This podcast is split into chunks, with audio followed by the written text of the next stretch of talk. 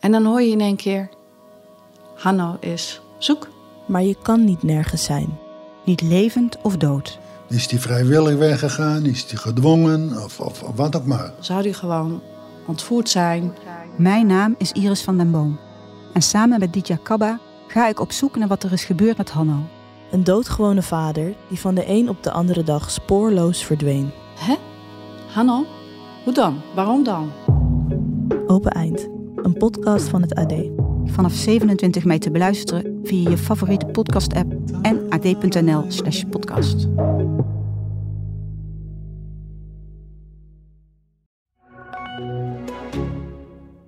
Hoe ik met mijn naasten de bloed van mijn eigen moeder moest schoonmaken. De bebloede beddengoed moest verschonen. De bebloede gordijnen moest eraf halen.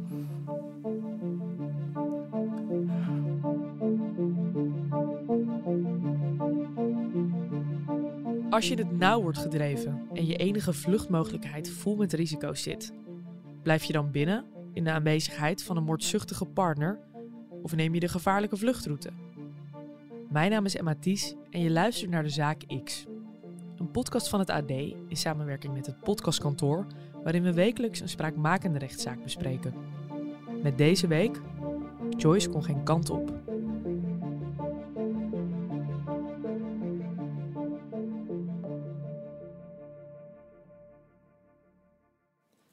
In de woning wordt op verschillende plekken bloed aangetroffen.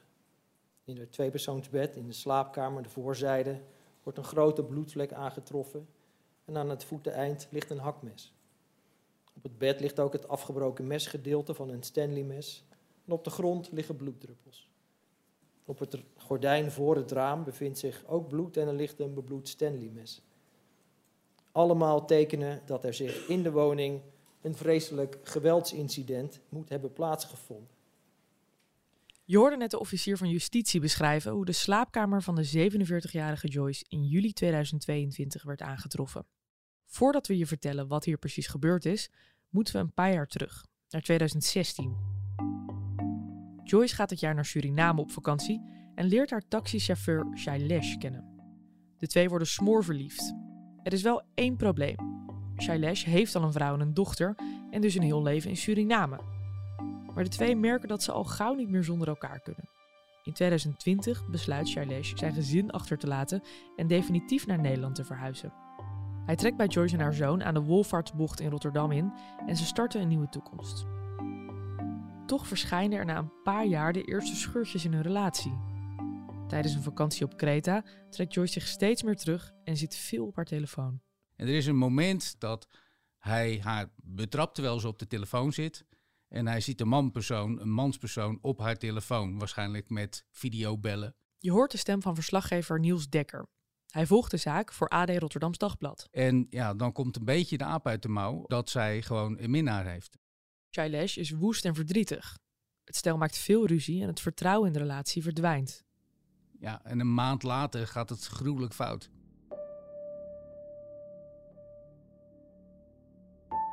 In de woning gebeuren vervolgens bizarre, eh, bizarre dingen. Deze rechtszaak is echt eh, nou, bijna eh, minutieus van minuut tot minuut beschreven wat er in die woning is gebeurd. Ik ehm, zal eerst het woord geven aan de officier van justitie. Geachte voorzitter, leden van de rechtbank, griffier, aanwezigen. Vrijdag 22 juli 2022, zo tegen 7 uur 's ochtends, gebeurt er iets vreselijks in de woning op de Wolvaartsbocht. De wekker staat al vroeg die ochtend. Joyce smeert namelijk altijd boterhammen voor haar zoon, die vroeg naar zijn werk moet. Maar deze ochtend voelt ze zich niet zo lekker en ze blijft in bed liggen. Ze stuurt Shailesh naar beneden om brood klaar te maken en haar zoon vertrekt naar zijn werk. Ja, schijnbaar is Shailesh naar de slaapkamer gelopen. En hij zegt dat ze hem begon te slaan. Dat ze op bed lag en dat ze hem begon te stoten en te slaan. En dat ze zei, ik wil je niet meer hebben. En dat er op dat moment bij hem iets is geknapt. Dat hij riep, heb je me hiervoor naar Nederland gebracht? En toen dacht hij bij zichzelf, ik ga haar vermoorden. En hij heeft dat ook zo tegen haar gezegd. Hij zou haar vermoorden en daarna zou hij zichzelf vermoorden. Hij heeft haar in de slaapkamer bij de keel gegrepen. Ze begon om hulp te roepen. Hij heeft toen zijn Stanley-mes gepakt dat hij voor zijn werk in zijn zak had zitten en heeft daar in de nek gesneden.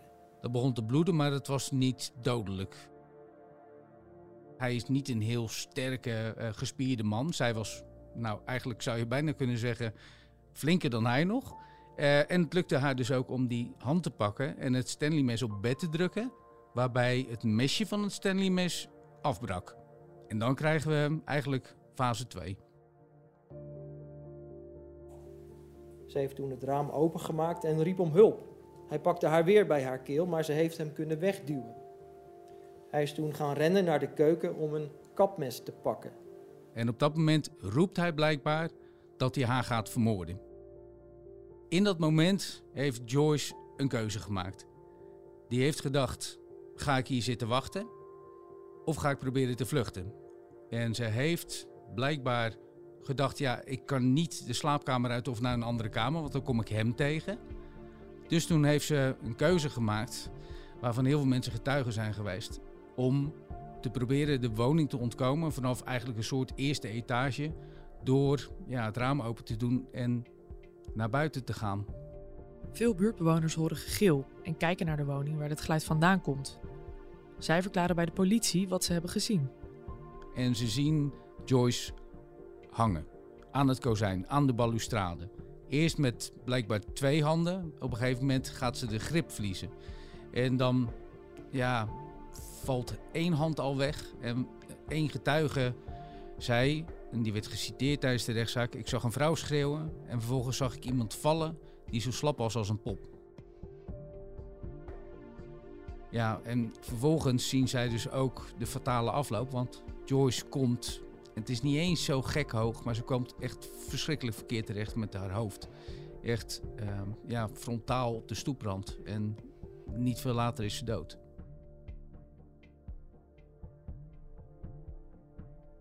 Weten we wat Charlize daarna heeft gedaan? Ja, hij is blijkbaar wel met en heeft een soort kapmes uit de keuken gehaald en is hij teruggekomen. Maar toen hij terugkwam in de slaapkamer, zag hij haar niet meer. Hij heeft uit het raam gekeken en zag haar op de grond liggen. Maar hij ziet in ieder geval dat zij dood is. En zijn plan was haar vermoorden en daarna zelfmoord plegen. Dus hij zegt dat hij heel verdrietig was, eh, paniek, dat hij terugloopt en dat hij ook een raam opent en aan de achterzijde van de woning probeert zelfmoord te plegen door naar beneden te springen. Maar hij komt niet zo slecht terecht als Joyce. De gealarmeerde politie verschaft zich toegang tot de bewuste woning, maar treft daar niemand aan. Wel is een persoon aan de achterzijde van de woning vanaf het balkon naar beneden gesprongen. En even later treft de politie daar in een achtertuintje verdachte aan. De partner van mevrouw slechts gekleed in een joggingbroek en met ontkleed bovenlijf. Als gevolg van de sprong is hij zelf gewond geraakt. Hij wordt naar het ziekenhuis vervoerd. Bijna negen maanden later moet Shailesh op een regenachtige dag in de rechtbank verschijnen. De hamvraag wordt daar voor de rechter al snel duidelijk. Of u Joyce opzettelijk dood heeft gemaakt. Uh, ik hoor u net zeggen, ik heb bedacht dat ik haar dood zou maken en ik, dat ik mezelf dood zou maken. Kort daarna is zij dood. En u heeft gesneden.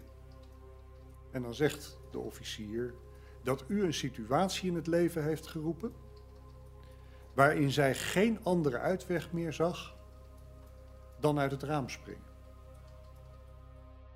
We mogen de stem van Shailesh niet laten horen in deze podcast. De rechter vat samen hoe Shailesh dit zelf ziet. Dus uw antwoord is: ik heb het geprobeerd, maar ik heb haar uiteindelijk niet doodgemaakt. De familie van Joyce zit ook in de rechtszaal en maakt gebruik van hun spreekrecht terwijl Shailesh voor hen zit. Een van hen is de zoon van Joyce. Geachte leden van de rechtbank, ik zou graag in het kort willen vertellen wie mijn moeder was en wat zij voor mij betekende. Zij was een zorgzame moeder, een zorgzame vrouw. Ondanks dat ik 30 jaar ben, ging ze elke ochtend mijn boterhammen smeren om deze naar mijn werk mee te nemen. En toen ging hij vertellen, uh, ik vraag me elke dag af, Uh, waarom heb ik dat mesje gegeven? Shailesh hielp uh, zijn stiefzoon in zijn nieuwe huis. Nou, had hij een nieuw mesje gegeven. Het mesje waarmee zijn moeder dus later is gestoken. Nou, dat neemt hij ergens zichzelf kwalijk. Zo, elk weldenkend mens weet, ja, dat, dat slaat nergens op. Maar dat is een gevoel wat in hem zit. Ik vraag me elke dag af, waarom heb ik dat mesje aan hem gegeven? Waarom ben ik die dag niet thuis gebleven? Of ben ik wat later gaan werken? Misschien had ik haar kunnen redden. Er zijn ook nog uh, heel vervelend uh, filmpjes van opgedoken. Er is één filmpje geweest dat blijkbaar een voorbijganger meende niet te moeten helpen, maar een filmpje te maken van een vrouw die doodbloedde op de straat. Daar is later een oproep geweest van de zoon aan mensen om dat filmpje niet meer te delen. Juist omdat zijn moeder volgens hem altijd zo'n verschrikkelijk keurige, deftige, goed geklede dame was. Die dit gruwelijk zou hebben gevonden dat deze laatste momenten van haar op deze manier zouden zijn verspreid. Elke avond als ik mijn ogen dicht doe, zie ik mijn moeder. Hoe ze levenloos op, levenloos op de stoep lag, met de plas bloed naar de parkeerplaats. Elke avond zie ik hoe ik met mijn naasten de bloed van mijn eigen moeder moest schoonmaken. De bebloede beddengoed moest verschonen. De bebloede gordijnen moest eraf halen. De bebloede raamkozijn moest schoonmaken. Deze beelden zullen voor altijd op mijn netvlies blijven, tot mijn laatste adem. Mijn moeder was alles voor mij. Geen straf is voor ons te hoog onze moeder, die zijn we voor altijd kwijt. We zullen je heel erg missen, mama.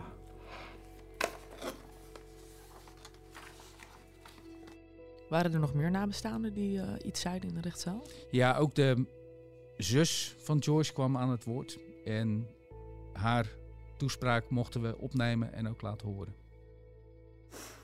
Geachte leden van de rechtbank.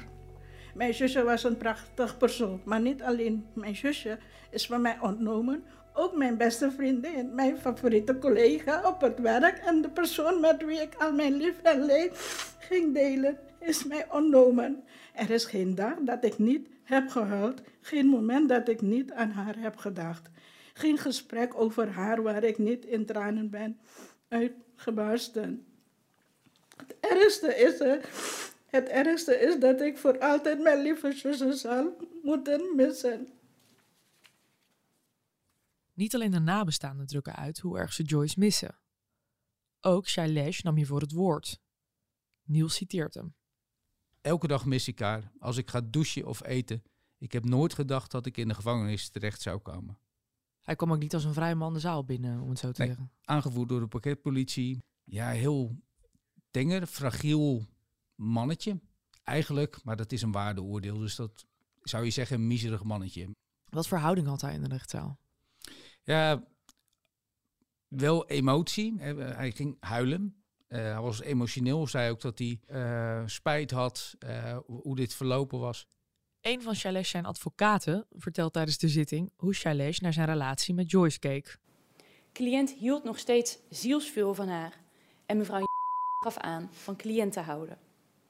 Cliënt verklaart zelf over een liefde dat hij niet wist dat er een vrouw zoveel van hem kon houden en dat hij zelf ook heel erg verliefd was. Ze hebben vaak tegen elkaar uitgesproken dat ze niet zonder elkaar kunnen.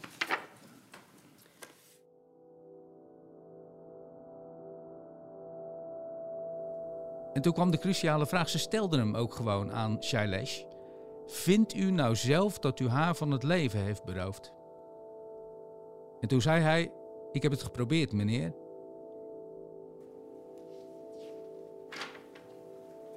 Dan het sluitstuk, de strafmaat. Het OM is van mening dat de dood van Joyce volledig toe te rekenen is aan de verdachte. En dat nu er sprake was van vol opzet op de dood van Joyce, de val of sprong uit het raam en de fatale gevolgen voor haar binnen het bereik van dat volle opzet vallen.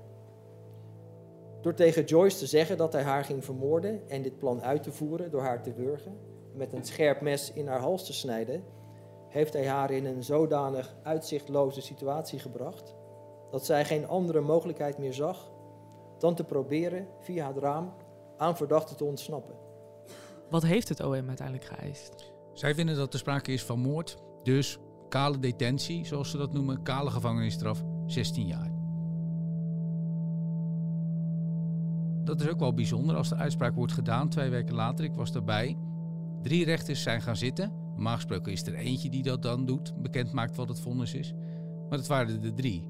En die vertelden uitgebreid waarom zij vonden dat dit, en daar komt hij, toch eigenlijk wel verrassend, geen moord was. En wat dan wel? En ze begonnen met te stellen voorop: de oorzaak van de dood van de vrouw is Shailesh aan te rekenen. Maar de rechters zeggen ja, eh, we komen eh, tot de slotconclusie dat er te weinig objectieve aanwijzingen zijn voor voorbedachte raden. En voorbedachte raden impliceert moord. En in plaats van 16 jaar hebben ze die strafeis gehalveerd en hem ja, slechts of maar, zou je het kunnen noemen, de helft opgelegd. Dus acht jaar cel. Het OM gaat een hoger beroep tegen deze uitspraak. Zij blijven erbij dat dit moord is. Deze zaak komt dus weer voor de neus van de rechters te liggen. Ja, die gaan opnieuw, volledig opnieuw naar deze zaak dan kijken. Ja, wat daaruit gaat komen. Familie moet ondertussen wel afwachten. Shailesh blijft in de bias.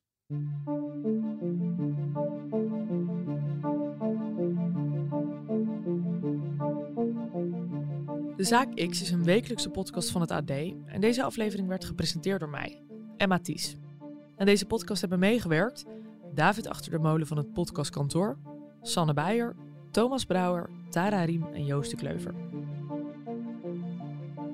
Zodra de uitspraak van het hoger beroep bekend is, vind je die op ad.nl slash dezaakx. Vond je dit een goed verhaal? Laat dan vooral even een review achter, zodat we beter vindbaar worden voor nieuwe luisteraars. En wil je ook de volgende aflevering niet missen? Abonneer je dan op dit kanaal.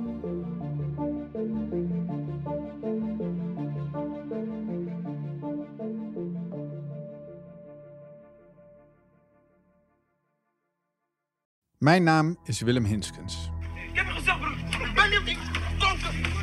Hey. Dit is mijn verhaal. Niks te klaar. Ik ben niet met de klaar, Loop naar hem toe, haal hem uit. Een verhaal over een mishandeling. Mijn mishandeling. 30 jaar geleden in een stadspark in Deventer. Ook ik werd belaagd, geslagen en geschopt. In deze podcast ga ik 30 jaar na mijn mishandeling alsnog de confrontatie aan met mijn belagers. Niet om verhaal te halen, maar om in gesprek te gaan. Luister Klappen, een nieuwe podcast van het AD en de aangesloten regionale dagbladen.